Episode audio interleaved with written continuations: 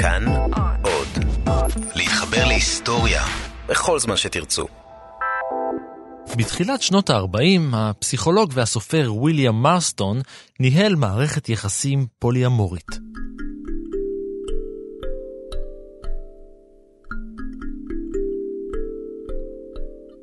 הוא היה נשוי לאליזבת, ולשניהם הייתה מאהבת, אוליב.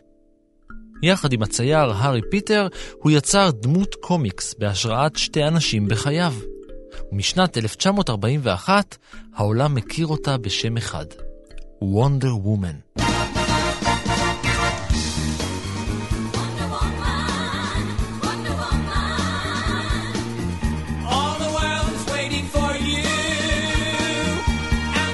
עלילותיה של גיבורת העל הפמיניסטית נמשכות עד היום בעולם הקומיקס של אנשי האמזונס של DC.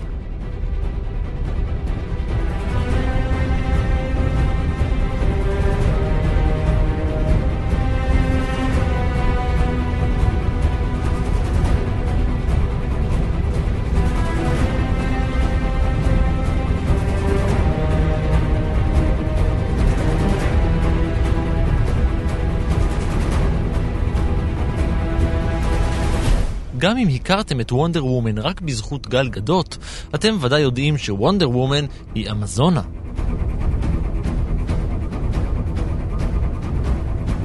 החברה הבדיונית שבה היא חיה היא מטריארכלית.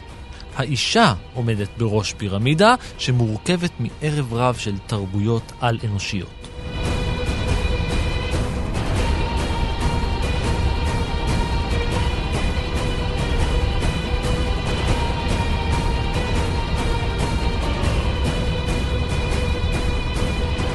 לפי המיתוס הזה, האלים היווניים יצרו את האמזונות והטילו עליהן את המשימה להגן על העולם האנושי.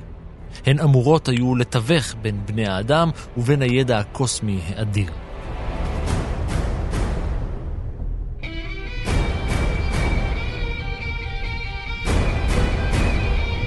העולם הבדיוני הזה מבוסס על המיתולוגיה היוונית המקורית, שם האמזונות היו בנותיהם של האלים ארס והנימפה הרמוניה. והאמזונות האלה היו ההפך המוחלט מהאמזונות של DC. הן היו אכזריות, אגרסיביות, מרושעות, וכל מה שעניין אותן בחיים היה מלחמה, מלחמה ומלחמה. לפי סברה אחת, המילה אמזונה כנראה מגיעה מהשפה הפרסית. האמזן הם לוחמים. הפועל קר משמעותו לעשות, כמו במילה קרמה. ובשילוב הלוחמים יוצא שלצאת למלחמה זה המזה קרן. פרידריך קורנליוס, חוקר התרבות החיתית, טוען כי לחופו של הים השחור הייתה פעם תרבות שחיה בארץ שנקראה אזי. לטענתו זה היה מקום מושבן המקורי של האמזונות. זו הייתה חברה מטריארכלית, ונשות האזור הזה היו ידועות כנשות אזי. אם אזי. אמזונות. לפי הסבר אחר, מדובר במילה פרסית אחרת, אמג'נה, שמשמעותה היא הרג הגבריות. גם ההיסטוריון היווני הרודוטוס כינה אותן בשם אנדרוקטונס, שמשמעותו הורגות הגברים. האמזונות של יוון היו האמזונות השניות בהיסטוריה. לפניהן, אמר ההיסטוריון היווני העתיק דיודורוס, התקיימו האמזונות של לוב, שעברו דרך מצרים, סוריה וטורקיה, והתיישבו בסופו של דבר באסיה הקטנה, על גבול יוון. המיתוס על האמזונות נכתב כנראה בהשפעת נשים לוחמות אמיתיות, אבל הוא נותר מיתוס, אגדה שנכנסה לסיפור האתוס היווני. אלפי שנים לאחר מכן, ביבשת אחרת, אמזונה אחת הייתה אישה אמיתית.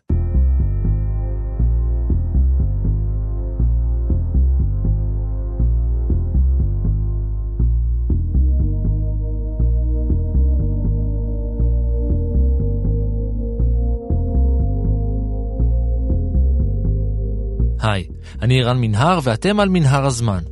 מדי פרק אנחנו מספרים לכם על מקרה שקרה בעבר מזווית שכנראה עוד לא הכרתם. הפעם נספר על ממלכה במערב אפריקה שלפני 350 שנה הקימה צבא של נשים לוחמות כדי לקחת בשבי עבדים ממדינות שכנות.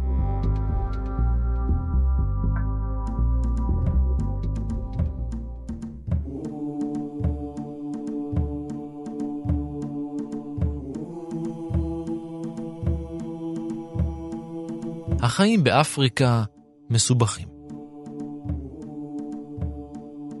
היבשת האדירה הזו, ערש הסיביליזציה, מחולקת ומפוצלת לאינסוף שבטים, עמים, תרבויות ואמונות. עוד לפני שרגל מערבית אימפריאליסטית דרכה שם, היו השבטים השונים והאנשים מסוכסכים זה עם זה בקרבות על טריטוריות ומשאבים. כשהגיעו האימפריאליסטים מאירופה, זה רק סיבך את העניינים עוד יותר.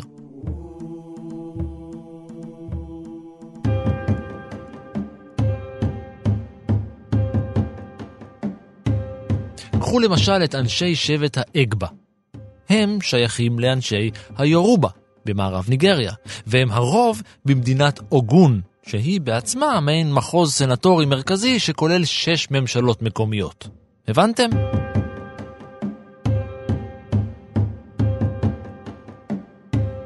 במשך שנים נשלטו אותם אנשי שבט האגבה על ידי אימפריית אויו, וכשזו קרסה, הם זכו בעצמאותם.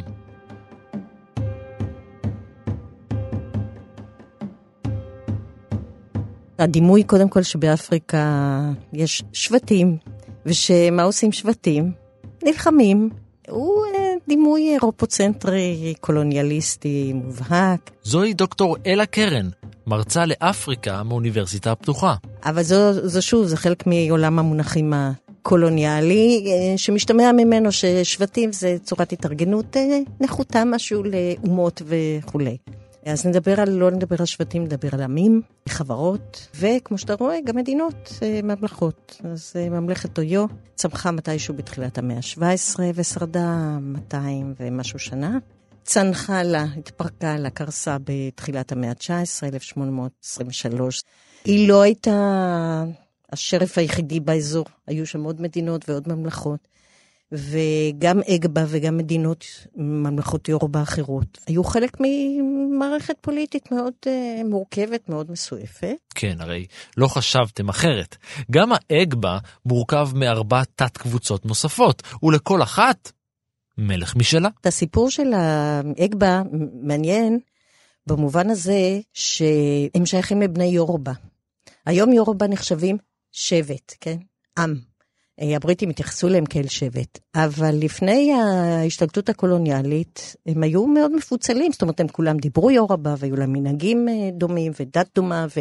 אבל הם היו מפוצלים פוליטית למדינות שונות ויריבות זו לזו. אגבה הייתה אחד המרכיבים של זה. מתי הם הפכו להיות עם או שבט במונחים האלה? בתקופה הקולוניאלית, זאת אומרת, מי יצר את המושג הזה של שבט? מי יצר אותם כגוף מלוכד? כשהיו שם הבריטים השליטים, הם הכירו באחד המלכים האלה כשליט העליון של כולם.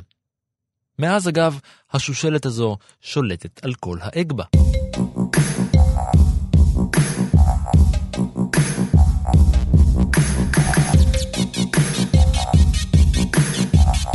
עם קריסת האימפריה האויואית, ברחו חלק מהתושבים והקימו את העיר אבאוקוטה. משמעות המילה אבאוקוטה היא מתחת לסלע, וזה בדיוק מה שעשו המתיישבים הראשונים במקום, שברחו ומצאו מקלט מתחת לסלעים בשטח רחב.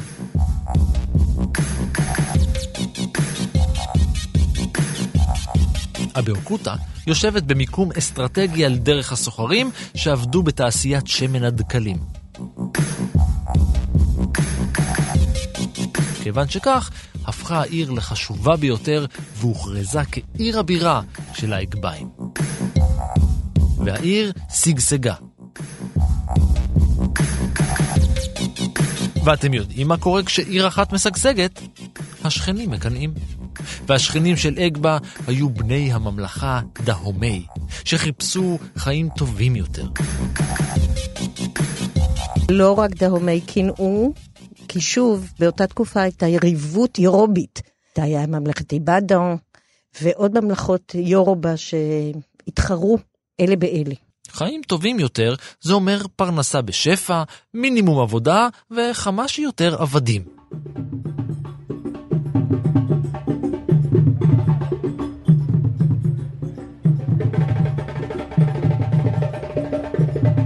זה לא שהם חיו רע. הייתה להם כלכלה מאורגנת, מערכת מסחר עם מדינות אחרות ביבשת, ואפילו באירופה היה לה שלטון מרכזי ומערכת מיסים, פסטיבלים ועולם אומנותי.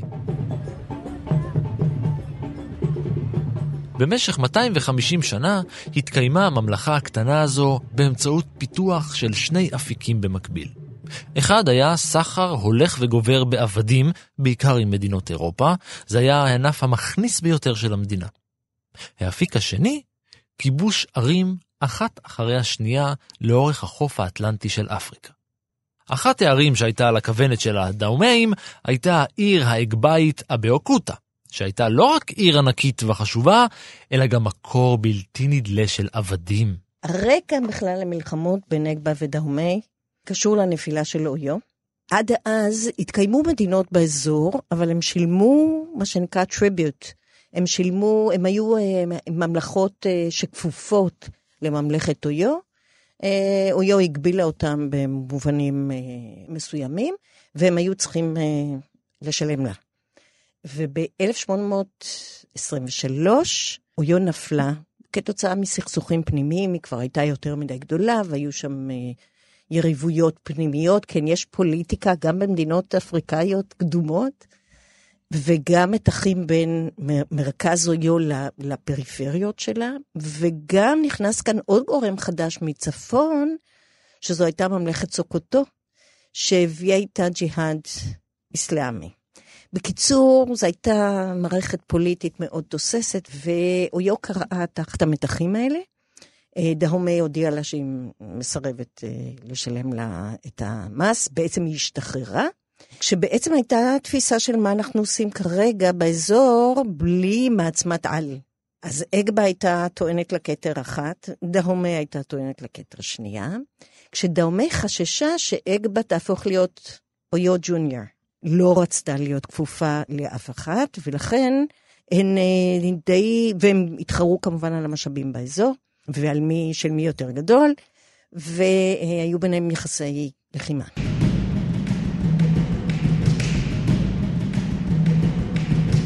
בשנת 1851, האגביים, יחד עם כוחות בריטים ומיסיונרים, הביסו את התקפת הדאומיים. תכף נחזור לקרב המסוים הזה.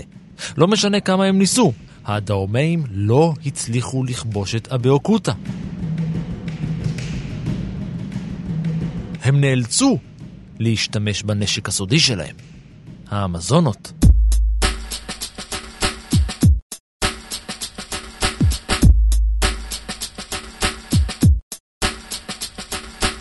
ממלכת דהומי הוקמה ממש בתחילת המאה ה-17, אי שם בשנת 1600 בערך. מלכה השלישי היה ווגבג'ה, והוא היה נחוש לנצח את האויב מספר אחת של השבט, הפילים.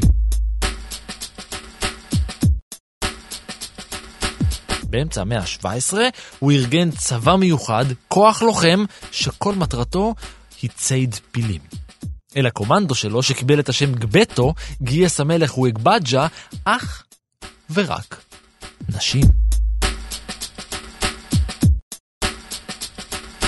יש הרבה מיתוסים סביב המזונות. ככל הנראה, היה איזשהו כוח קטן שהיה, ששימש כמשמר המלך, שהוא היה מורכב מנשים, וזאת הייתה תופעה יחסית קדומה, אבל הן לא אה, נלחמו. כמעט על כל דבר כאן יש ויכוח מחקרי.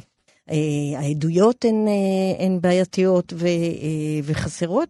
המאה ה-17 פינתה את מקומה למאה הבאה אחריה, והמלך ווגבג'ה פינה את כס המלכות לבא אחריו, בנו, המלך אגג'ה.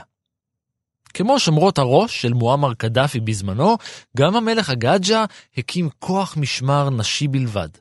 הן נשאו אקדחים. עם הזמן הפכו שומרות הראש לכוח צבאי מיומן. כל כך מיומן שהמלך השתמש בהן כדי להביס את ממלכת סאבי השכנה ב-1727.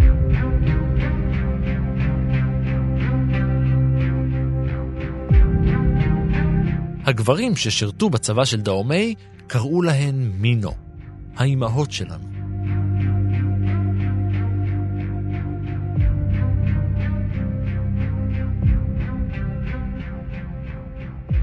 בתחילת המאה ה-19 הפך המלך גזו את הממלכה לכוח צבאי.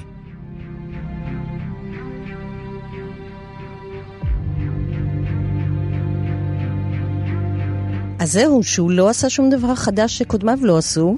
דהומי קמה כממלכה מיליטריסטית, מלכתחילה. יש איזושהי תזה נורא מעניינת של היסטוריון אה, ניגרי, שחשב אה, שדהומי, ההקמה שלה הייתה אנטי-תזה לסחר עבדים, ניסיון למנוע את סחר עבדים. אבל הטרגדיה הייתה שכדי להתגונן מפני סחר עבדים ולמנוע אותו היה צריך נשק. הדרך היחידה להשיג נשק היה למכור עבדים, וסופה שהיא נקלעה לתוך מעגל הרשע הזה. אז מלכתחילה היא הייתה אה, ממלכה מאוד מיליטריסטית. גזו רק הדגיש את זה. הוא הדגיש את זה מכמה סיבות. קודם כל, הוא עלה בהפיכה צבאית. והוא מאוד, הסיפור אומר, הסיפור המקומי אומר שהוא מאוד התרשם ממשמר, משמר הנשים ששמר על המלך שהוא הדיח, שהוא אמר, אה, רגע, יש לי כאן אה, סטארט-אפ, אנחנו נרחיב את זה, אני מאוד צריך את הנשים מול המלחמות, מול אגבה ומול המטרות האחרות של הממלכה. גזו גייס לצבא שלו חיילים גם מתוך שבויים של אחד מקרב השכנים שלו. העבדים אה, ששועבדו היו תוצר לוואי של המלחמות. בדרך כלל. רוב המלחמות לא היו, לא נועדו לייצר שבויים, אלא היו מלחמות פוליטיות. נשים וגברים אסירי מלחמה הפכו לחיילות ולחיילים. תראה, היה, היה צבא שהוא היה צבא מקצועי, שהוא היה צבא חכם וקטן יותר, מצויד היטב, מאומן היטב. חלק מהחיילים שלא היו באמת שבויי מלחמה שאומנו, זאת אומרת, במקום לייצא אותם כמשועבדים, או להשתמש בהם בדברים אחרים, השתמשו בהם אה, בצבא. והיה צבא שהוא היה צבא יותר רחב, שהגיוס שלו היה מתוך דאומי. זאת אומרת, הפרובינציות של דאומי, הקהילות השונות בתוך דאומי, היו צריכות אה, חלק מהמיסים שלהם לשלם בחיילים ובחיילות. בחיל הנשי הלוחם היו גם נשים חופשיות מקרב בני הדהומי, והן קראו לעצמן אהוסי, נשות המלך.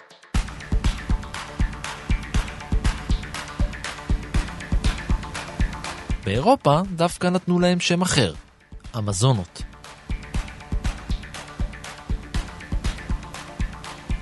צר לי לנפץ לך את המיתוס הזה, זה מיתוס אירופי, שצמח במאה ה-19 כשהאירופים הגיעו לראשונה לאזור של דאומי, זה היה שנות ה-40. והאירופים שמגיעים אה, לחצר המלך באבו מי, הבירה של דאומי, אה, פתאום פוגשים אה, לוחמות.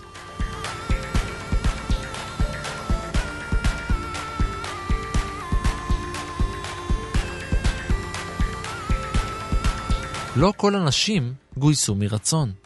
טוב, יש כאלה שלא רצו, אבל uh, אולצו על ידי ה, uh, ראשי האזורים, ראשי הפרובינציות, שליטים המקומיים, כי הם, הם היו צריכים לשלם מיסים למלך, במובנים של כוח אדם, ואילצו.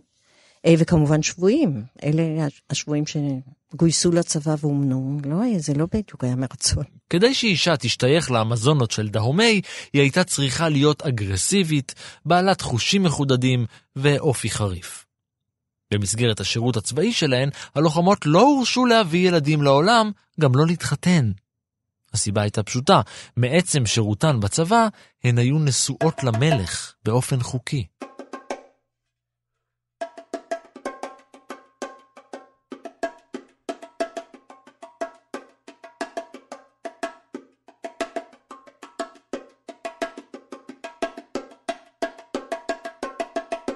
ההנחה שלנו שיש הפרדה בין דת לבין אה, תחומים אחרים בחיים לא עבדה בחברות אפריקאיות. זאת אומרת, עצם השירות שלהם כמשמר המלך היו לו משמעויות טקסיות מאוד חשובות. היה להם מעמד כמשמר המלך, היה להם מעמד מאוד חשוב. הם היו חלק קודם כל מהארמון, אז חלק מהפובואר, הכוח הפוליטי. והמיתוסים האירופוצנטרים קצת עיבו את, ה, את המשמעות שלהן. רואים את זה בטקס השנתי שבו המלך חגג את האושר שלו וכרת ברית מחודשת עם הנשלטים על ידי זה שהם היו מחליפים מתנות, הם היו מעלים לו מיסים ומתנות, והוא היה מחלק מחדש, חלוקה מחדש של משאבי הממלכה. אז הן נוכחות בלב העניינים, הן מופיעות בצעדות, ושם האירופים הראשונים פגשו אותן.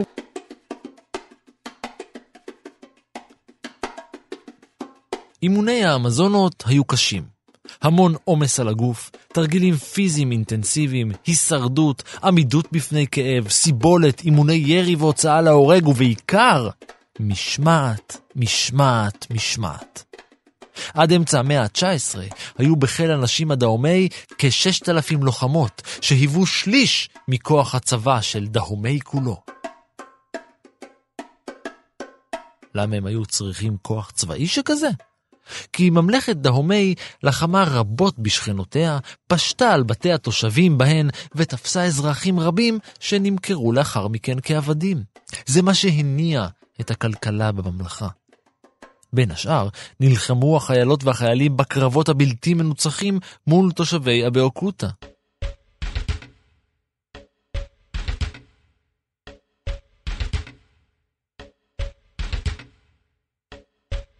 באמצע המאה ה-19 אסרה האימפריה הבריטית סחר בעבדים. זו הייתה מכה קשה עבור ממלכת דאומי. בריטניה הייתה בין הלקוחות הגדולים ביותר שלה. הלקוחות הכי גדולים משכנה העבדים בדהומי היו הצרפתים, הפורטוגלים. זאת אומרת, היו הרבה מאוד אה, מדינות אירופיות שסחרו עם דהומי, בריטניה לא, זה לא היה האזור הקלאסי שלה. למרות מאמצים חוזרים ונשנים מצד הבריטים לשכנע אותו, המלך גזו לא היה מוכן להפסיק לסחור בעבדים. אבל עכשיו, כשהבריטים כבר לא קונים אספקה, הכלכלה של דאומי נפגעה.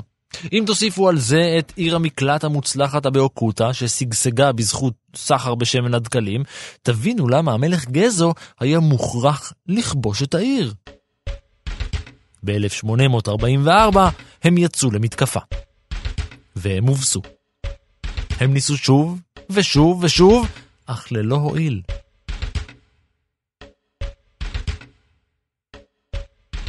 השירות בכוח המינו אפשר לנשים להתקדם בסולם הדרגות, לעלות ולפקד על כוח משלהן. הסיפור של השילוב של נשים בצבא עבד באופן אחר ממה שחושבים. הייתה הבחנה בין כוחות של גברים לכוחות של נשים. לא בדיוק יודעים איך השיתוף פעולה הזה עבד. פרט נורא מעניין, לנשים בדאומי היה תמיד תפקיד של כוח מפקח על גברים. הייתה ממלכה שהתנהל, ממלכה עם שלטון ריכוזי מאוד הדוק, בלי כתב. איך זה התנהל? של כל בעל תפקיד גברי הוצמדה אישה. והיא הייתה מפקחת וגם מספרת, מלשינה. זה, זה היה חלק מהתפקיד שלה, והייתה רשת מקבילה של פיקוח על בעלי תפקיד. עכשיו, החלוקה של הכוחות הנשיים הייתה זהה לחלוקה של הכוחות הגבריים, הם נדמה לי חילקו את זה לאגפים, אגף ימין, אגף שמאל וכולי, אבל בתוך כל אגף זה לא לגמרי ברור איך זה אה, עבד. אישה אחת שכזו הייתה סדונג הונג בה. בשנת 1851 היא הובילה צבא של 6,000 נשים לוחמות נגד מבצר אגבה באבאוקוטה.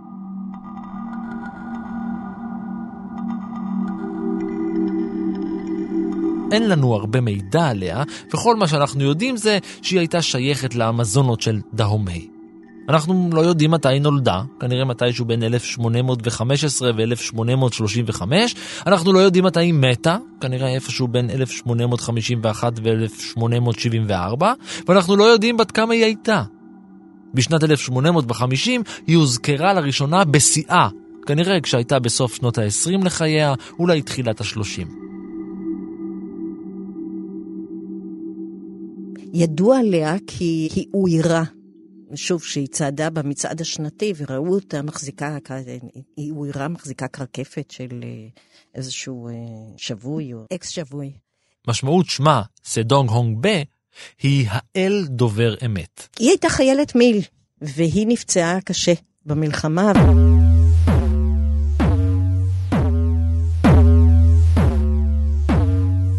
גם המתקפה הזו של דהומי לא הצליחה. האירופים אה, התרשמו שבקרב על אבאוקוטה, שבו הדהומיים הפסידו, שהנשים היו טובות יותר כלוחמות מאשר הגברים, ולמרות זאת הם הפסידו. אבאוקוטה לא נפלה. חוץ מזה, הבריטים ממש התעקשו שיפסיקו את הסחר בעבדים. כל כך התעקשו, שהם הטילו מצור ימי על דהומי.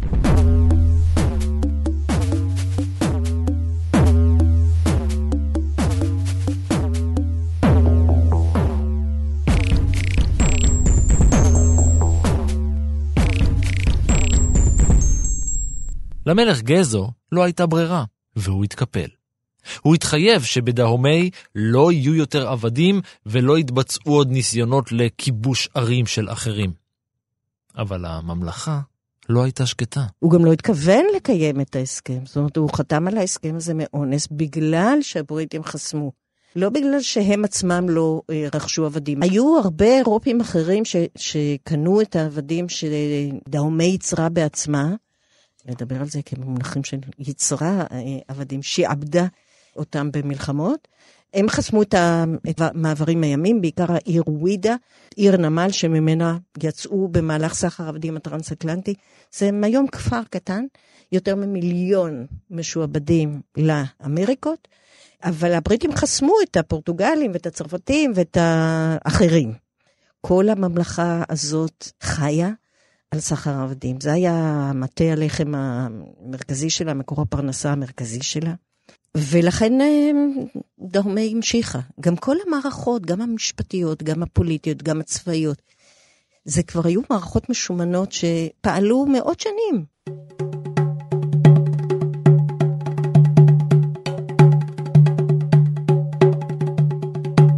המלך גזר שוב הפך את אורו.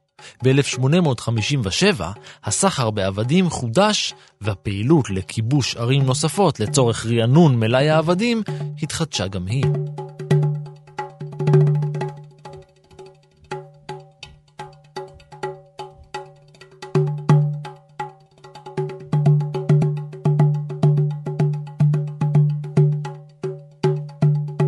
ואז, אז פגע צלף מהבאוקוטה במלך גזו והרג אותו.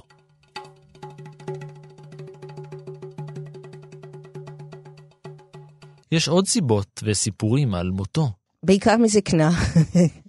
הוא כבר היה מאוד ותיק, הוא שלט אה, באמת אה, עשורים ארוכים, מה שנקרא פג תוקפו, ועלה לשלטון בנו, אחד מבניו, גללי.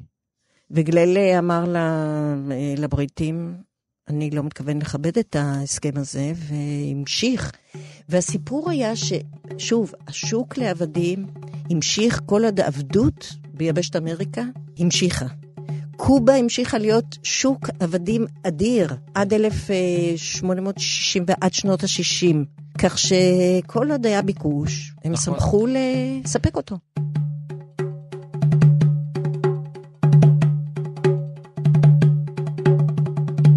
בכל מקרה, דהומי יצאה למלחמה, עוד מלחמה, באבאוקוטה.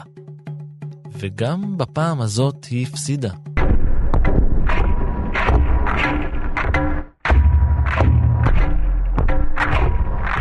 זה היה הפסד צורב ומשפיל, והממלכה החבולה נאלצה להפסיק סופית את הסחר בעבדים ולעבור באופן מסיבי לסחר בשמן דקלים.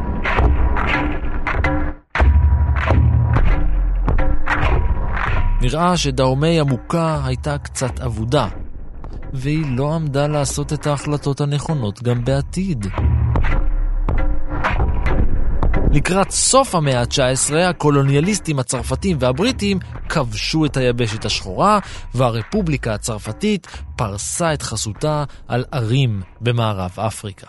אחת הערים האלה הייתה קוטונו שבדהומי. בווידה עצמה היה את המבצר הפורטוגלי, היה את המבצר הצרפתי והיה את המבצר הבריטי. זאת אומרת, הצרפתים הרגישו שם בנוח, קיימו קשרי סחר ארוכי טווח, ואם אני לא טועה, ב-51 חתמו עם דאומי על הסכם ידידות וסחר. והרעיון היה שהם חוששים מנגיסה של הבריטים באזור הזה.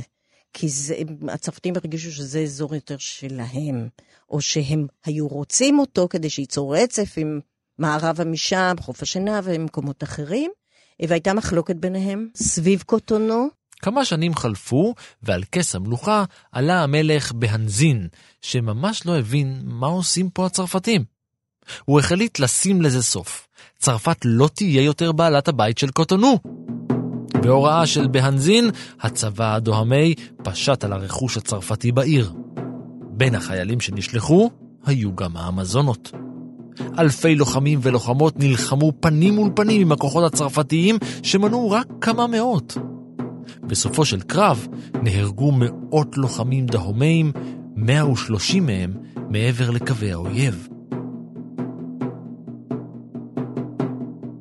הצרפתים איבדו חמישה חיילים. רובם נהרגו כשהיססו לירות באישה שעמדה מולם.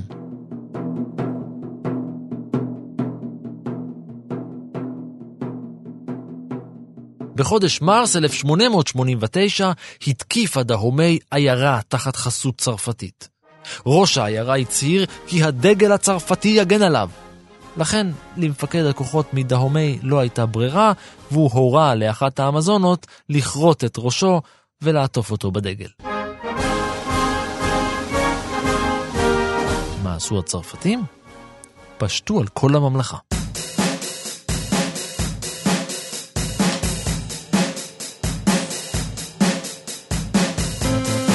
מלחמת צרפת דהומי החלה ב-1890 והכוחות האפריקאים יצאו לפשיטות ליליות והתקפות פתע לפנות בוקר. אבל הם חטפו. הם איבדו המון אנשים. אחרי קצת יותר מחצי שנה, המלחמה נגמרה בניצחון צרפתי מזהיר.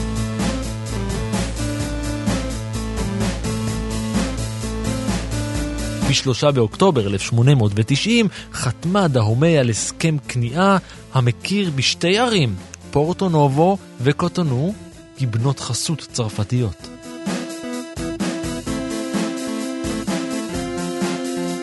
אבל לשני הצדדים היה ברור שהסיפור לא נגמר. הצרפתים חשבו שהם חתמו הסכם שמקנה להם את השליטה על קוטונו, ובעיני הדאומאים ההסכם היה מותר לכם לסחור פה. You're welcome, מה שנקרא, אבל לא, לא מעבר לזה. וכשהצרפתים טענו שזה כיבוש, אז הדאומאים אה, ניסו אה, להשיב את הריבונות בנשק, ונכשלו. העוינות של דהומי והמלך שלה המשיכו לבעבע מתחת לפני השטח. כמה אמזונות צוותו להקים יחידה מיוחדת ששמה לה כמטרה להפיל קצינים צרפתים. מלחמת צרפת דהומי השנייה החלה פחות משנתיים לאחר מכן, וגם היא נגמרה בהפסד צורב לדהומי, והרבה יותר כואב. צרפת כבשה את עיר הבירה, הגלתה את המלך, וכל ממלכת דהומי הפכה למדינת חסות צרפתית. הכובשים הליגיונרים נדהמו מיכולותיהן של האמזונות האמיצות, שהתבררו להיות כוח מאוד לא יעיל. בממוצע, על כל חייל צרפתי שחיסלו, נהרגו 100 לוחמות. הם היו חמושים בכלי נשק קצת שונים ביעילות שלהם. הצרפתים שכבשו את דהומי הפכו את הממלכה לקולוניה דהומי הצרפתית. ורק ב-1960 קיבלה עצמאות ושינתה את שמה לרפובליקה של דהומי. משנת 75 אתם מכירים אותה כבנין.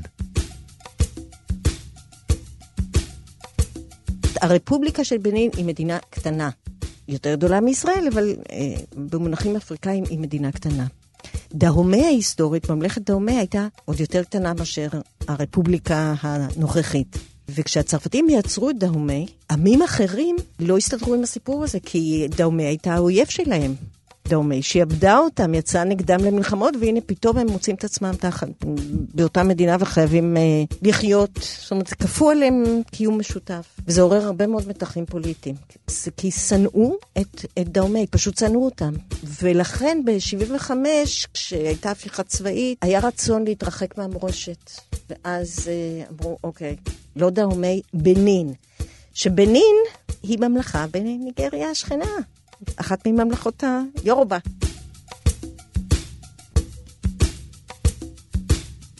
לוחמת הדאומה האחרונה, נאווי, נלחמה בצרפתים בשנת 1892. היא הלכה לעולמה בשנת 1979, בגיל 100 פלוס.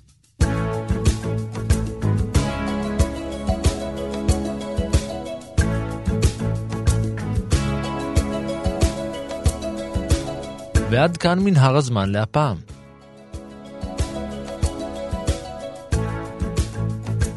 תודה לאלה קרן, תודה גם לאור מנהר ששכר כל הפרק בשמן דקלים והיה על ההפקה, ולניר גורלי שכבש ממלכה נוספת והיה על העריכה.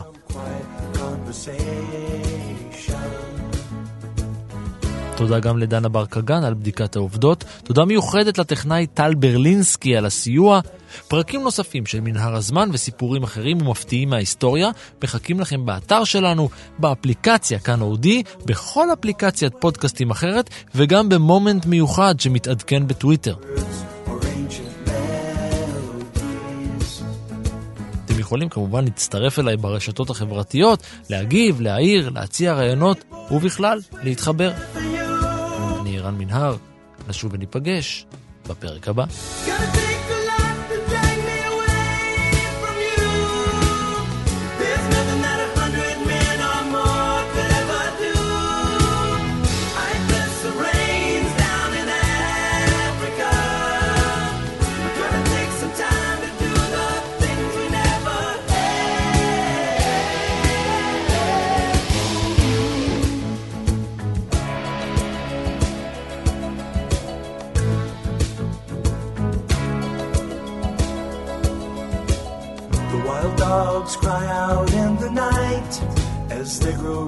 Restless, longing for some solitary company. I know that I must do what's right, sure as Kilimanjaro rises like Olympus above the Serengeti. I seek to cure what's deep inside, frightened of this thing that I've become.